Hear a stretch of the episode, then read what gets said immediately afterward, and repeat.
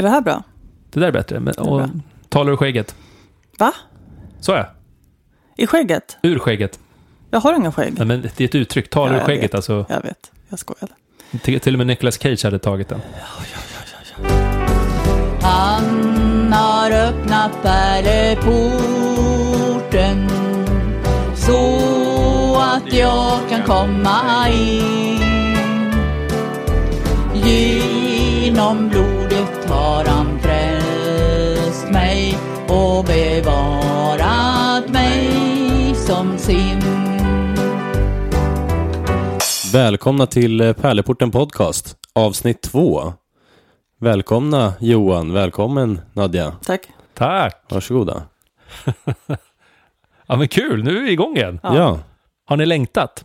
verkligen. Ja, absolut. Nu har vi en sån mysig, mysigt ställe att podda från här. Ska du berätta Johan, vart vi är någonstans? Ja, eh, vi är ju någonstans mitt i semestertider, vilket är väldigt härligt på något sätt. Så att ni har ju suttit nu och åkt från Nacka och Stockholm med bil ut hit till eh, Vikbolandet i Östergötland, Exakt. till eh, mitt sommarställe. Mm. Så att vi befinner oss just nu på Lönö, någon slags halvö i Bråviken. Så vi sitter just nu i vårt eh, gästhus. Eh, och vi har ju faktiskt också en gäst med oss i podden idag, kan man säga. Eller hur Nadja? Mm, det har vi lilla, min lilla hund, Charlie.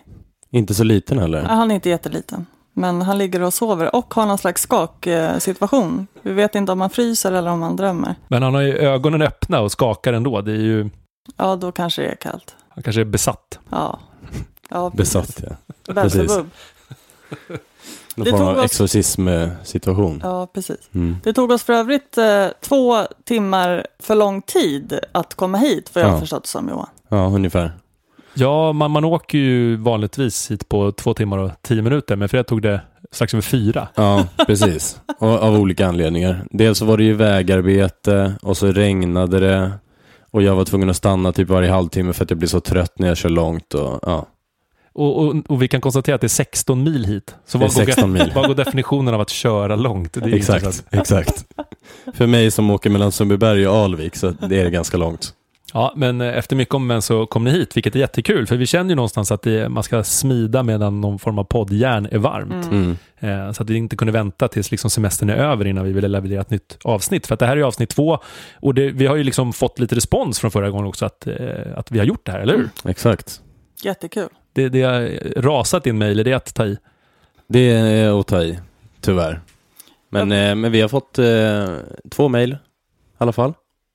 Eh, det ena avslutades med Forza Bajen. Mm. Så jag svarade älska AIK när jag slutade mejlet. Mm, snyggt. Eh, Men det var jätte, jättepositivt. Och, och vet man inte vad man riktigt lyssnar på, för att det här är kanske första gången man hör, så är det ju här eh, en podd som ska ha några slags kristna förtecken, där vi sitter och vänder och vrider på kristna begrepp och saker och ting som vi tycker känns relevant i våran tid, bland både frälsta och eh, hedningar. Exakt. Och vi alla tre jobbar i eh, Nacka församling eh, inom Svenska kyrkan. Johan är församlingspedagog och jag och Nacka är, ko- eller jag och Nacka. Nacka. Jag och Nadja är kommunikatörer. Jag är Ja. till och med assistent Mm. på den nivån. Yes.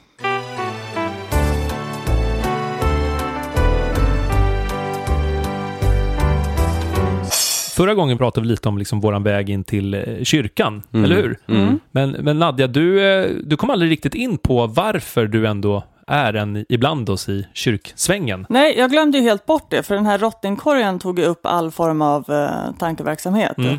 Eh, men jag startade ju frikyrkan som barn och det blev inte så bra. Sen var jag väldigt arg på kristendomen och på kyrkan i massa år. Tills jag började jobba på ett café då en, eh, en präst var stammis. Mm. Och ehm, sen började vi hänga och dricka öl tillsammans. Och hon var ascool och hade en helt annan syn på, på Gud och Jesus och kristendom än det jag har upplevt tidigare. Mm. Eh, och så kom jag in på det. Och jag började plugga teologi och har gjort det i ett år. Mm. Eh, och sen ve- halkade jag in här på Nacka församling när jag skulle praktisera i, ehm, eh, på vår utbildning. Jag och Emil har gått samma klass. Mm. Och så, ja, på den vägen ner det. Sen fick jag jobb här. Det är helt sinnessjukt faktiskt. Så tack vare liksom prästen och ölen så blev du någon form av kompetent aktör i... Hinkvis Den kristna branschen. Alltså. Ja, Mm. Ja, men fint ändå. ja, Hur liksom från, eh, ja, men du beskrev det som en, en tuff religiös uppväxt, även om Ja. den inte var så religiös förutom din då kompis där. precis. Mm. Ja, vad spännande. Ja, Så man får väl hoppa tillbaka ett avsnitt om man vill höra Ja, mer precis, om höra om. grunden. mm, Exakt. Vi pratade även om eh, aquascaping som var ett stort intresse. just det. Jag har kollat upp lite aquascaping-information. Ja, för att jag ska... mer. Ja, precis. Eh, jag tänkte fråga dig om du kör Garden Like Dutch Style eller, eller Japanese Inspired Nature Style i akvariet. Jag, vet, jag har ingen aning, men jag gissar på det senare. Jag ligger lite i framkant där med stilar kanske. Eh, Fast jag inte har något akvarium ens. Ja, du ja. Ja. Ja, ja, verkligen. Jag har inte jättestor koll på... um, Jag kan, vi, vi har inga liksom, små trädgårdar i alla fall, Nej. tror jag. Har du closed system?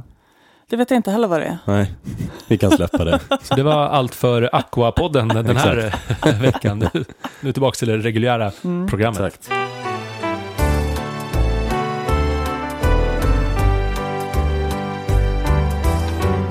Ha, eh, någonting nytt sen eh, senast i våra liv? Jag har semester. Uff, Mm. Det är helt fantastiskt. Jag är ju sån himla semester-mode. Vet inte vilken dag det är. Har inte haft bh på mig på en vecka. Har inte heller använt deodorant. Det är helt fantastiskt. Härligt. Ja, det är de, liksom, den checklistan man har när man vet att det, ja, ja det är är det semester. semester. Ja, jag jobbar på. Eh, sitter ensam på kontoret nu. Både Nadja och vår andra, kollega Alice har semester. Mm. Johan, du har ju också semester. Ja, det är därför vi befinner oss på, på mitt landställe här, att, som ni så vackert kunde komma till. För att vi Mm. kände ändå att vi ville, vi ville komma igång och, och spela in ett till avsnitt innan, Mm. innan det tar för lång tid emellan. Sådär. För förhoppningen är att det här kommer ske ganska frekvent sen när liksom semestern är över. Men vi kände ändå att vi ville pricka in en till podd här i sommarens hetta. För det är ju nu folk lyssnar på poddar. Ja. Och det är nu man kanske kan tänka sig att, ja, men what the hell, jag kan ändå klicka på den här liksom kristna podden för att se vad kan det vara Mm. som händer i mina öron när jag Mm. lyssnar. Exakt. Och, och det som har hänt här är att vi, vi är också i någon slags ernst tillvaro, går runt barfota, bara liksom trampa på olika jordkokor och vet inte riktigt vad jag pysslar med. Men jag var nära på att eh, fira gudstjänst eh, häromdagen.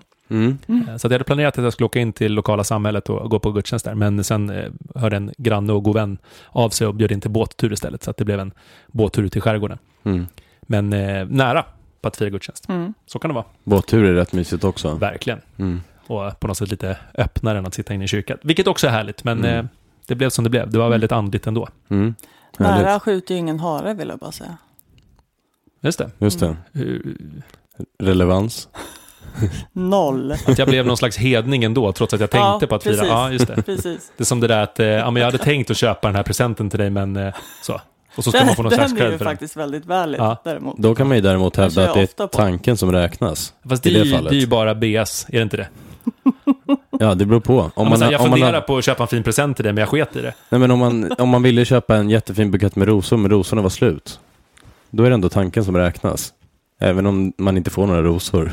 Men i, den här tanken som räknas, det är ju, den kör man ju bara när man får en present som man avskyr. Mm. Ja, det är sant. Då har man i alla fall fått en present. Eller ja. nej, snarare så här. Om jag ska köpa någonting till någon som jag absolut inte känner och skaffa vilken skit som helst. Mm. Det är då jag tänker så här, men det är ändå tanken som räknas. Som att jag ska försöka Bara för att du ska må bra. Ja, precis för att Ja. jag ska må bra. Ja. Precis. Precis som att be om ursäkt. Fast man inte har gjort fel. Ja, Det är bara för precis. att man ska må bra själv. Ja. Ja, men vi, vi kanske har någonting där. Ja. Ja, men ska vi eh, kasta oss in i någon form av eh, spaning Mm. till Absolut. det här avsnittet? Mm.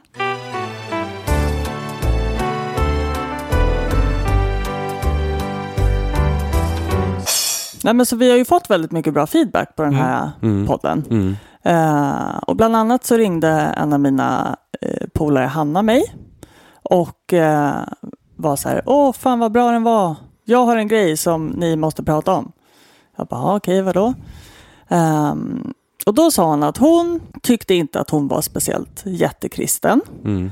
eh, men väldigt andlig. Och jag som känner henne vet att hon är väldigt andlig. Och jag skulle, alltså om jag ser mig själv som kristen så skulle jag se henne som kristen också.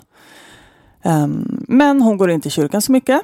Men när hon väl gör det så känner hon att hon tar upp en plats som egentligen är någon annans i och med att hon inte är så kyrkligt lagd och upplever sig själv som ganska okristen. Liksom. Mm. Utan mer som andlig. Och jag kan själv uppleva det när det kommer till att gå i kyrkan och sitta i gudstjänst.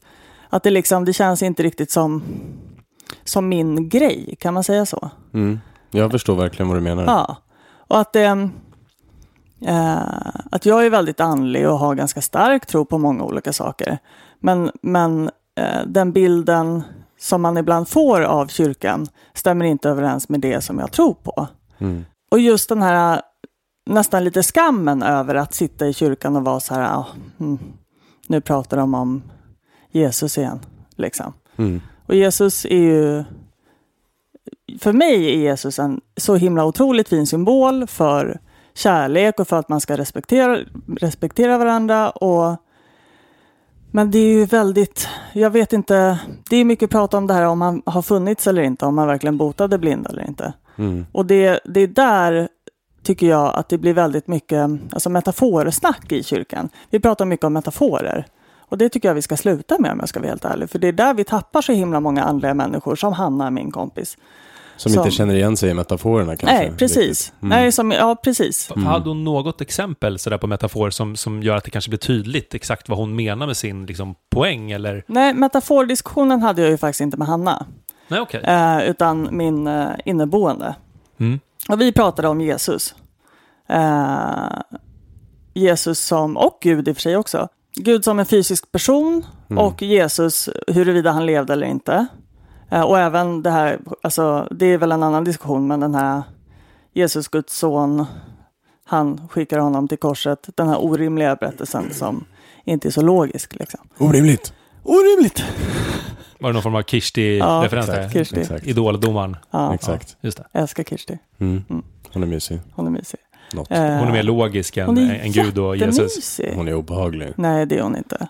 Hon är en fantastiskt stark Hon, kvinna. hon är säkert fin egentligen. Men hon, hon, höjer rösten och män hatar henne därför. Ja, Men det finns ju en kristen koppling eftersom hon använder begreppet hallelujah moment. Precis. Så att, eh, Ja, det kan det vi är ändå... sant. Det Hon verkar in, eh, väldigt känslosam, fin på det sättet. ja, och väldigt andlig. Mm. Ja. men det är om. Kirsti kanske? Det är om Kirsti. Ja. Det är ett, ett, kanske ett eh, ämne för ett helt eget avsnitt. Mm. Eh, nej, men just det här med Jesus.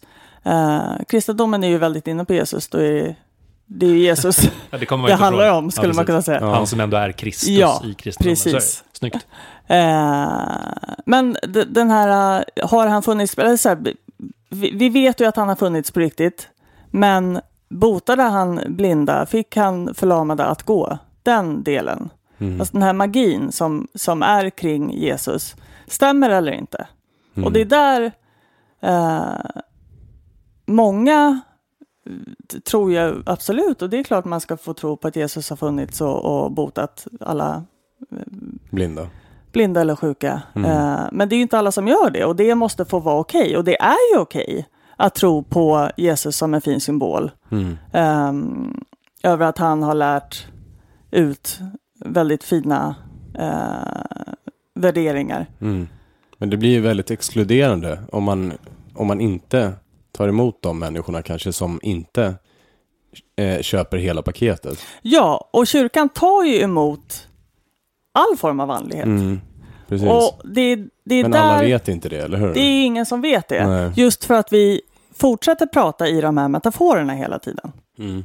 Att vi inte eh, är tydliga med att men om du, du, du behöver inte tro att Jesus botade blinda för att komma till kyrkan. Liksom.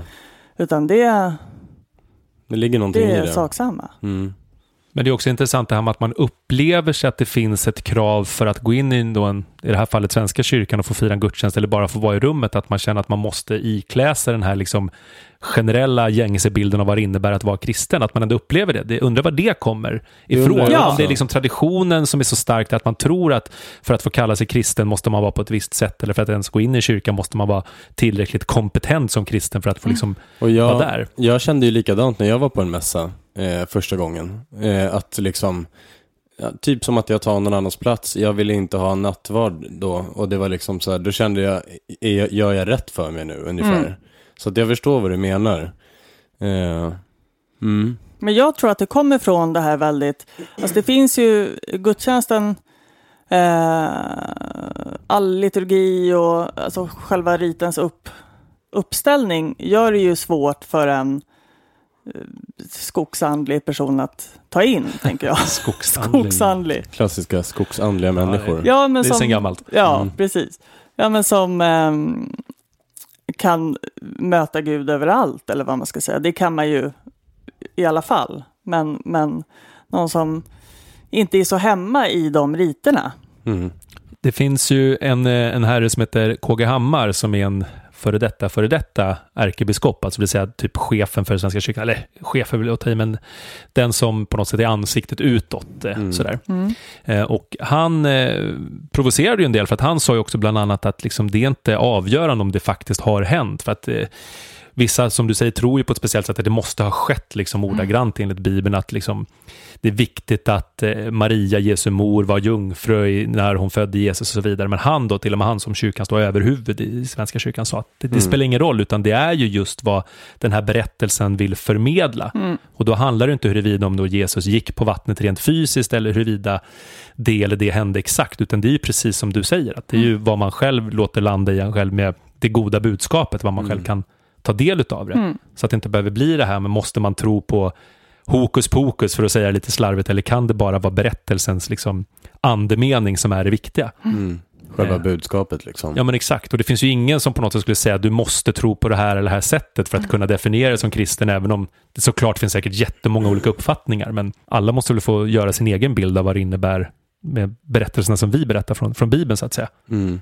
Men hur ska man då få din kompis att känna att det är helt okej med den tron som då hon har i det här fallet? Att känna att hon är lika välkommen som precis vem som helst som har gått i kyrkan hundratusen gånger så att säga. Ja, det är ju det som är frågan. Fortsätta med den här podden. Mm. Exakt.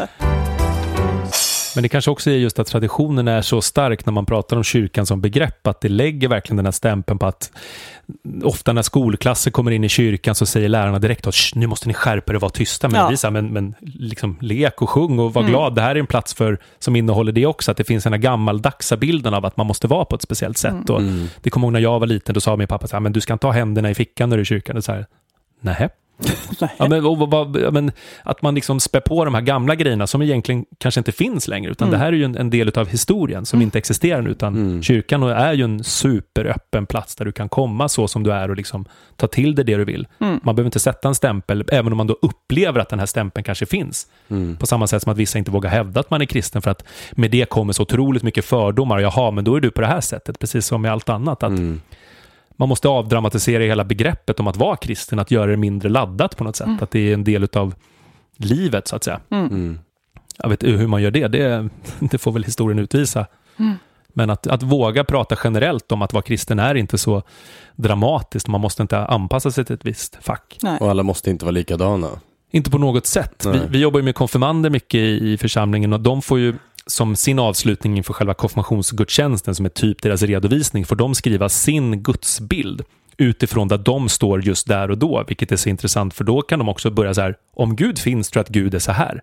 Och då får de leverera sin bild, hur liksom bred den än kan vara liksom, och inte alls passar in i det man då kanske tänker sig att kyrkan ska vara, så att säga.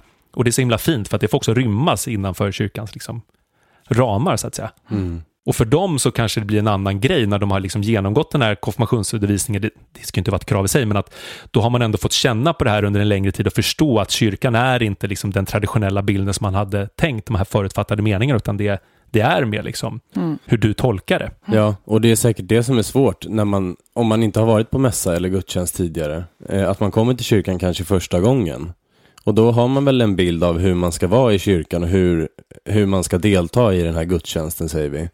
Eh, och då är det jättesvårt om man känner så, att man känner att man måste vara på ett visst sätt. Då kanske man inte känner sig välkommen alls. Mm. Och då är det väldigt viktigt då att vi berättar sådana här saker, tycker jag. Mm.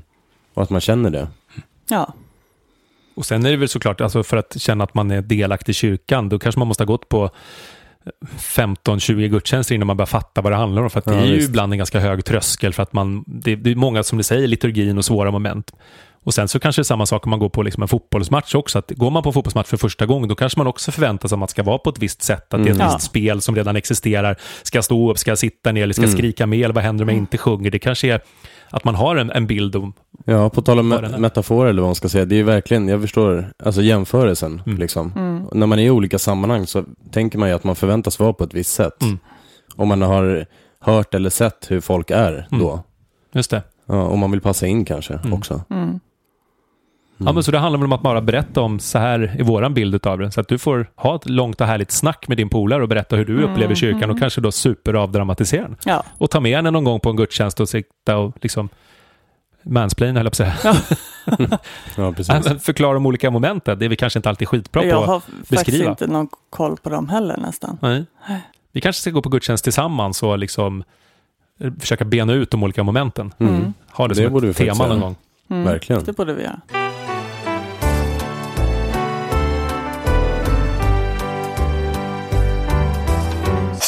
Jag lärde mig idag, eh, precis för en kvart sedan, att eh, det är fotbolls-VM i år. Det är avslutat va? Ja, precis. Det Ja, är... det har varit. Jag har ju helt missat det.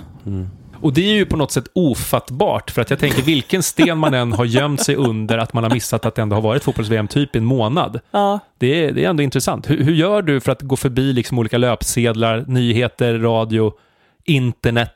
Jag har faktiskt ingen aning om hur jag, kunnat, jag har kunnat missa det här. Ja, men hur som helst, en superkort recap då, det är att det har varit eh, fotbolls-VM i Frankrike, för, Mm. eller damfotboll som man då knasigt måste säga det, Mm. för att eh, damerna levererar ju ofta betydligt bättre än herrarna. Eh, och Sverige kom trea, tog alltså bronsmedalj, vilket är enastående faktiskt. Verkligen. Det är väldigt stort. Eh, Så att, nej, det har varit en riktigt härlig fotbollssommar. Men, men då har jag tänkt på en sak. Överlag i fotboll, inte minst liksom internationell fotboll, så när spelare, eh, vissa spelare då går in på planen, antingen att de blir inbytta eller ska liksom eh, beträda planen precis i början av matchen, så gör de ofta korstecknet. Mm. Ni vet det här när man kör liksom, man, man pekar uppåt, neråt, vänster, höger. Det som är en symbol för liksom treenigheten, alltså Gud, Fadern, Sonen och den helige Anden. Eh, och då tänker jag så här, hur, resonerar de kring det här korstecknet i ett fotbollssammanhang? Är det liksom dels att de vill be Gud om hjälp i matchen, att Gud ska vara med och på något sätt leverera extra bra mål, eller vad vet jag, eller att de Mm. inte ska bli skadade under matchen, eller liksom att det är någon form av ceremoniell situation. Mm. Eh, har ni tänkt på det? Att, att Jag också- du som jag är fotbollsnörd, liksom, precis Ja, som jag. precis. Jag är väl lite mer fotbollsintresserad än Nadja. Mm. Eh, men eh, jag har också tänkt på det. Lite mer var väl att ta i, Ja. Precis, men det händer ju även i, i allsvenskan liksom. Det är inte Mm. bara i eh, internationella större ligor. Men man ser ju det någon gång då och då. Jag har också funderat på det. Eh, och jag tänker att det, alltså jag gissar ju bara, men jag tänker att det är för att det ska gå bra i matchen. Mm. Att det är så enkelt. Men jag tänker också att de personerna som gör det har väl någon form av religiös koppling. Eller liksom religiösa på något sätt. Mm. Så måste det ju vara. Annars vore det lite märkligt. Verkligen, och, och det, den bilden delar jag helt också, att det är på något sätt fint och starkt att man kan ja, stå för att man då är ja, men kanske kristen i det här sammanhanget, eller oavsett Mm. vilken religion det än må gälla, men också på ett sätt märkligt, om nu anledningen till att man gör korsnätet är att man tror då att Gud ska hjälpa en i matchen, för det gör ju också att Gud på något sätt blir ganska selektiv om då Gud skulle vara mer gnagare än bajare till Mm. exempel, om man då Mm. tänker på vilka lag som vi håller på. Mm. För jag kommer ju själv på mig ofta att jag, jag ber ju inför att Sverige ska spela en VM-match eller när Hammarby ska spela så ber jag ju ofta en bön. Mm. Vilket på ett sätt är, det känns skönt och lite ceremoniellt för mig, men det är också helt sjukt om man tänker sig att Gud på riktigt skulle göra skillnad i en fotbollsmatch. Ja. Det är ju vansinnigt egentligen. Precis. Det det? Men det är ju också så här, vi pratade om det innan, eh, innan vi spelade in, att eh, jag har ju också mina ritualer när jag går på fotboll. Mm. Även om jag inte ber, så när AIK går in på planen så, och vi sjunger AIK-sången, liksom, då Mm. klappar jag på mitt AIK-emblem som jag precis har tatuerat på benet. På riktigt? Ja, jag hade du missat det? Nej, jag hade ingen aning. Nej, så är det. Du får se den sen. Du har ju precis klivit över en gräns, det, det förstår ju du nu va? Ja, kanske. Ja. Kanske. Jag har funderat på det länge. Ja. Nu var det dags. eh, men, men då klappar jag på emblemet liksom och, och eh, även AIKs avlidne tidigare målvakt Ivan Torina, när hans matchminut kommer och man sjunger hans namn så klappar jag också på emblemet och tittar upp i himlen. Och det har bara blivit så. Det känns helt naturligt. Och fint liksom. Så att alla har väl, när det gäller fotboll, alla har säkert sina små grejer för sig. Mm. Eh, och, och vissa gör då korstecknet, Mm. uppenbarligen. Mm. Eller ber. Ja. Men, men jag hade ett snack med, eh, med min sambo just kring det här ämnet för att jag, jag ställde frågan till henne vad hon tänkte. Och då, då pratade vi om också det här med bön, för att eh, många som känner sig andliga eller religiösa kanske ber i tid och otid, men ofta att man också ber för någonting. Och då hade hon en slags take på att ja, men det handlar också hur innerligt man ber. Och det blev också så fascinerad av att i så fall då med hennes eh, devis var att ju mer man ber då innerligt, desto mer lyssnar Gud. Att det finns någon slags gräns då när man har kommit upp på en så här bönometer. Liksom. Ja, men nu är den här personen tillräckligt innerlig, nu kliver Gud ner och gör något slags handfast. Ja, det. liksom divine intervention som de pratar om i Det Pulp Fiction. låter som att det skulle kunna bli otroligt tidskrävande aktivitet för fotbollsspelare. Om man ska be väldigt innerligt och kanske länge också. Ja, verkligen, men också jobbigt för Gud eh, om nu liksom Ja. Gud jobbar på det sättet. Så, ah, okej, ja, men nu, har, nu har Emil bett tillräckligt mycket för att liksom, Gnaget ska vinna den här fotbollsmatchen. Nu, nu kliver vi ner och ger extra styrka till liksom, forwarden. Ja, precis. Jag tänker också att, att hela den här teorin, eh, då kan vi ju bara slopa så här bra fotbollsspelare. Och det handlar ju bara om hur innerligt man ber istället. ja, mm. det, det blir ju liksom hur, hur eh, anledningen till att man vinner. Mm. Eller vilka Gud väljer att hjälpa just den dagen. Och då kommer man helt plötsligt in på en mycket större fråga, nämligen det här liksom att om nu Gud finns och Gud har någon form av makt, varför hjälper då Gud vissa men inte andra? Och det här är ju ett eh, så stort problem att det till och med finns ett eget namn för det, teodicé-problemet. Jag vet inte om jag har nämnt det Vad det, tidigare. sa du? Teodicé. Det här har man grundat på så länge man har grundat på Gud, att om nu det liksom Gud finns, hur sjutton kan det finnas ondska? Eh, vilket är en rimlig frågeställning. För att om nu Gud både då är allsmäktig, det vill säga att Gud finns och har all makt, så kan ju inte Gud både vara allsmäktig och vara god. För i så fall är ju inte Gud god eftersom Gud inte hjälper alla människor. Hur kan då liksom saker som sker, som är så hemska som man knappt kan få in det, ske? Mm. Det är filosofiskt, alltså, det är väldigt intressant. Men här kan vi också ta in den här metaforfrågan, Ja. tänker jag. Alltså, är Gud en person överhuvudtaget? Mm, ja. Alltså, vi- liksom, har Gud som person en egen vilja på det sättet? Mm. Eller står det för någon slags högre makt som har skapat något vackert och fint? Mm. Mm. Eller är det någon känsla? Vad, alltså, Och jag tänker att det är upp till var och en kanske, ja, att bedöma det. Mm. Eller vad man själv känner och Mm. tycker. Och det är helt fine och helt okej. Mm. Ja, för det finns ju olika skolor som tänker att Gud liksom alltid är närvarande och är liksom fortsätter skapa och vara kreativ tillsammans med oss. Och så finns det de som också tänker att Gud har liksom skapat världen och lämnat över till oss och den fria viljan så att allt som sker nu sker på våra villkor så att säga. Men Gud har ändå kanske då en önskan och vilja om att vi ska göra det goda och det rätta. Men Gud går aldrig in och liksom styr på något sätt för att Gud då antingen kanske inte väljer att göra så eller inte har den makten. Så kan det ju vara. Så därför finns det ju ja, men hur man själv väljer att tolka det här. Precis. Och vi får förmodligen aldrig något svar på det, men det är en ganska intressant. Mm, det är Frågeställning, intressant liksom. att diskutera, verkligen. Och om, du, om då, då Gud inte är aktiv och hjälper oss, varför ber vi då? Mm. mm. Och då kan man ju tänka, ja, men man kanske har allt att vinna, men inget att förlora. Mm. Vad vet jag. Men, men apropå det här med stora frågeställningar, det här är ju en stor frågeställning som jag och många andra bär just om Gud finns, hur kan det då finnas ondska? Men den andra stora frågeställningen, det är ju eh, hur tänkte George Lucas när han skapade Jar Jar Binks-karaktären till liksom episod 1, 2, 3 i Star Wars? Mm. Förstår ni vidden av liksom det hela? Ja, alltså jag måste erkänna att jag var ju så pass ung när de filmerna kom ut att jag tyckte ju han var en väldigt skojig karaktär. En bra comic relief liksom. Ja, och eh, så här i efterhand har jag ju förstått att det är väldigt... ehm, ja, jag skäms över att säga det. Ja, men, och det är ändå bra att man står för sina åsikter, men det här är ju också en sån liksom, stor sak som har gett många bryderier genom, Mm. och då, Mm. under åren, så att säga. Mm. Men har, har ni, du som lyssnar, ett förslag på hur liksom, Jar Jar Binks har en berättigad existens i de liksom, prequel Star Wars-filmerna, så får du gärna höra av dig till parleporten podcast at gmail.com. Var det så? Exakt. Säg det igen, Emil. Parleporten podcast at gmail.com. Eller gmail om man så vill. Oavsett om man då vill filosofera kring liksom teodicé-problemet Ja. eller Jar Jar Binks så är man varmt välkommen med sina tankar och reflektioner. Verkligen.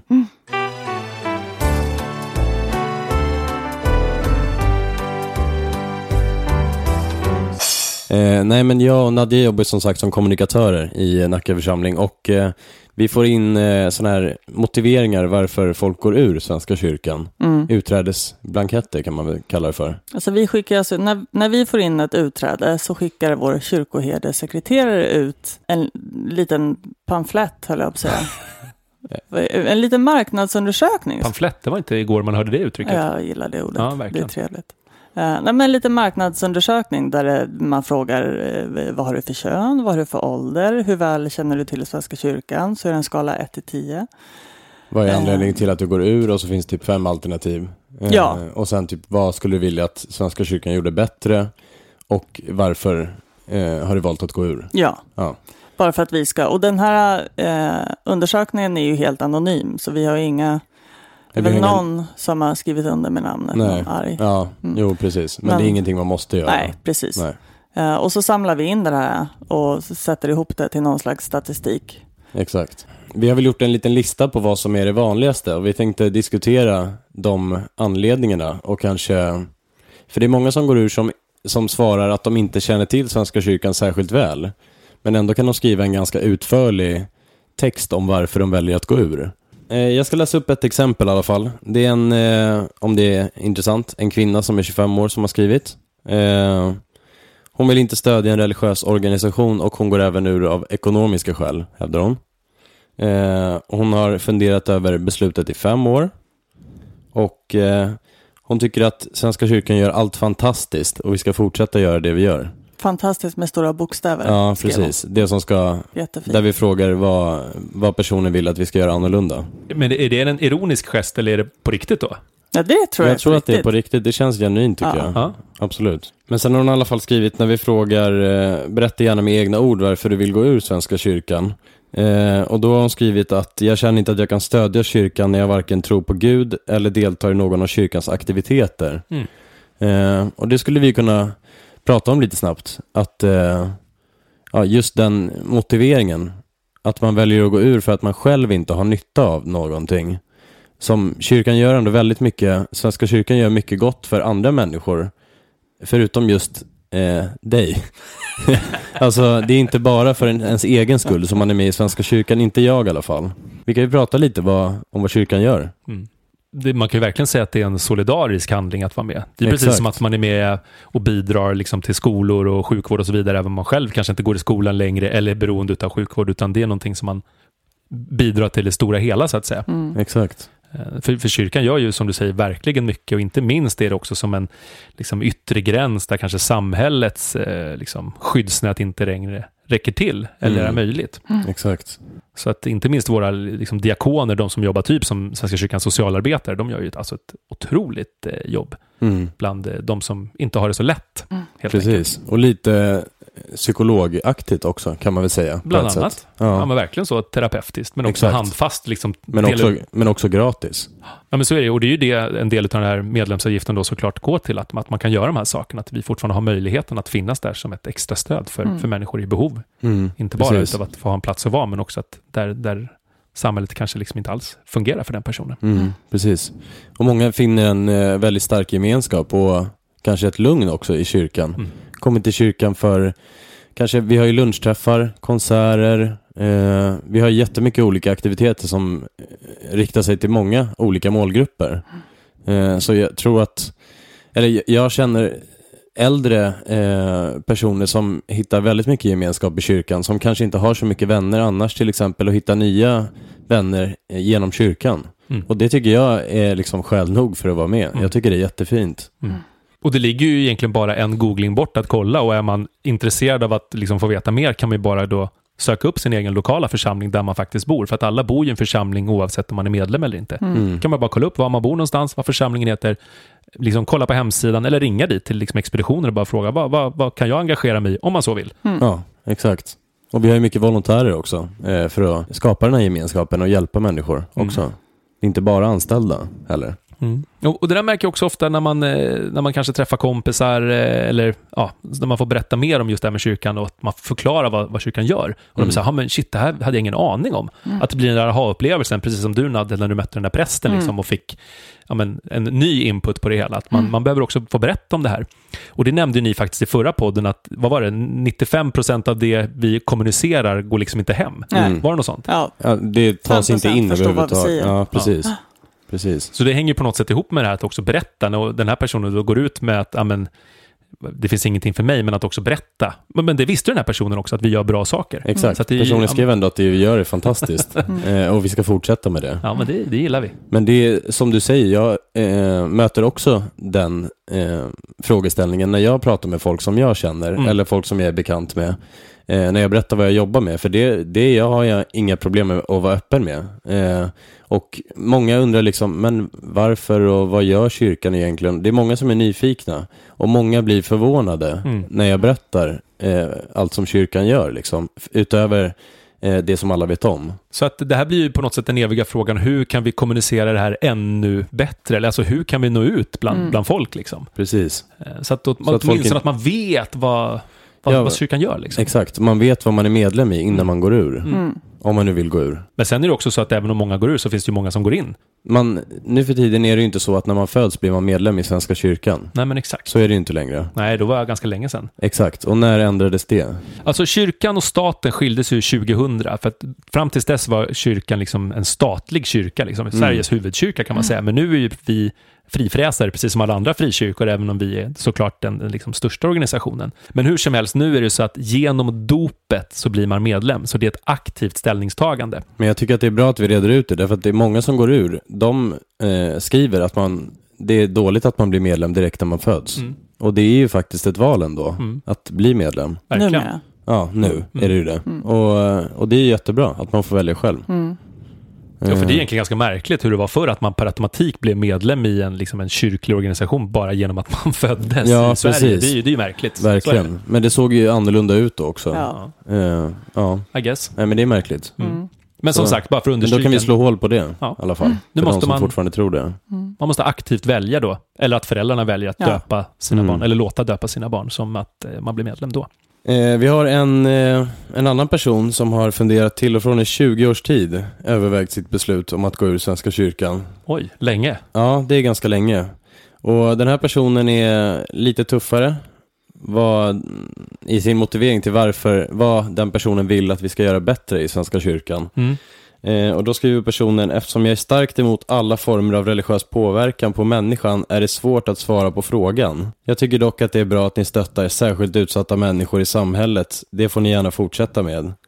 Miljön på vår egen planet är väl den som är i störst behov av hjälp, så det är, kan vara nästa steg att jobba med. Om ni vill jobba med viktiga saker. ja, Ja, men tack för det tipset. Ja, tack ja för tipset. precis. Bra tips, det gör vi också. Ja, vi Eh, jobbar mycket med miljön. Precis, med globala målen Ja. jobbar vi mycket med. Precis, Eh. både stort, men vi är också i vår församling i Nacka så är vi ju miljödiplomerade steg två. Mm. Exakt. Och det innebär att vi har gått igenom en ganska lång process för att liksom uppfylla ganska många krav på att vara Utöver Så- källsortering till exempel. Ja, så det liksom finns det ju bra mycket mer grejer. Ja. Exakt. Och i Mm. vår ungdomsverksamhet till exempel så jobbar vi jättemycket sådär. Vi, dels att vi inte flyger när vi åker på olika resor, men också att vi kör så gott som allt vegetariskt eller veganskt i våra liksom, Mm. ungdomssammanhang för att vi vet att det också ger en mindre klimatpåverkan. Sådär. Så att man kan göra många små saker, men som ändå bidrar i det stora hela. Precis. Mm. Precis. Eh, vill ni höra om, eh, med egna ord varför personen har valt att gå ur Kör. Svenska kyrkan? Eh, ska vi köra det ordagrant också då? Det kanske låter lite stelt när jag berättar så här, men nu får det bli så. Mm, jag skulle helst vilja se våra samhällen he- helt utan religiösa samfund så att människor får tänka och välja själva. Jag tycker det är otroligt märkligt att man föds med en religiös stämpel och till- tillhörighet som man inte ens fått välja själv. Eh, jag går ur eftersom jag tycker det är viktigt att föra utvecklingen framåt i världen och varför inte vara en föregångskvinna när man har fått privilegiet att födas i ett land som Sverige där man får bestämma själv. Och sen ett hjärta på det. Det är fint ändå. Vad fint. Men, men vi kan ju faktiskt redan nu har vi också pratat om att man, man väljer ju faktiskt själv om man vill tillhöra ett religiöst samfund Mm. eller Precis. inte. Eftersom då, det är någonting man väljer. Mm. Ja, och Eh. jag tycker att hon, eh, visst var det en kvinna? En kvinna, ja. Ja. Exakt. Jag tycker hon har en bra poäng ändå, att eh, man ska få välja själv och eh, tänka själv framförallt. Mm. Men om man tar bort alla religiösa samfund så att de inte finns, Då går det inte att välja då något. går det inte att välja Nej. eller tänka själv heller. utan- Mm. Mm. Så Då finns det ja, inga alternativ. Mm. Nej. Nej, så är det ju. Mm. Jag kommer att tänka på en annan grej förresten, på tal om det här. Eh, typ alla våra röddagar har väl religiös anledning Ja, till att de är förutom röda. typ nationaldagen. Ja, precis. Så utan religion, inga röda dagar. Det är Nej, ni. precis.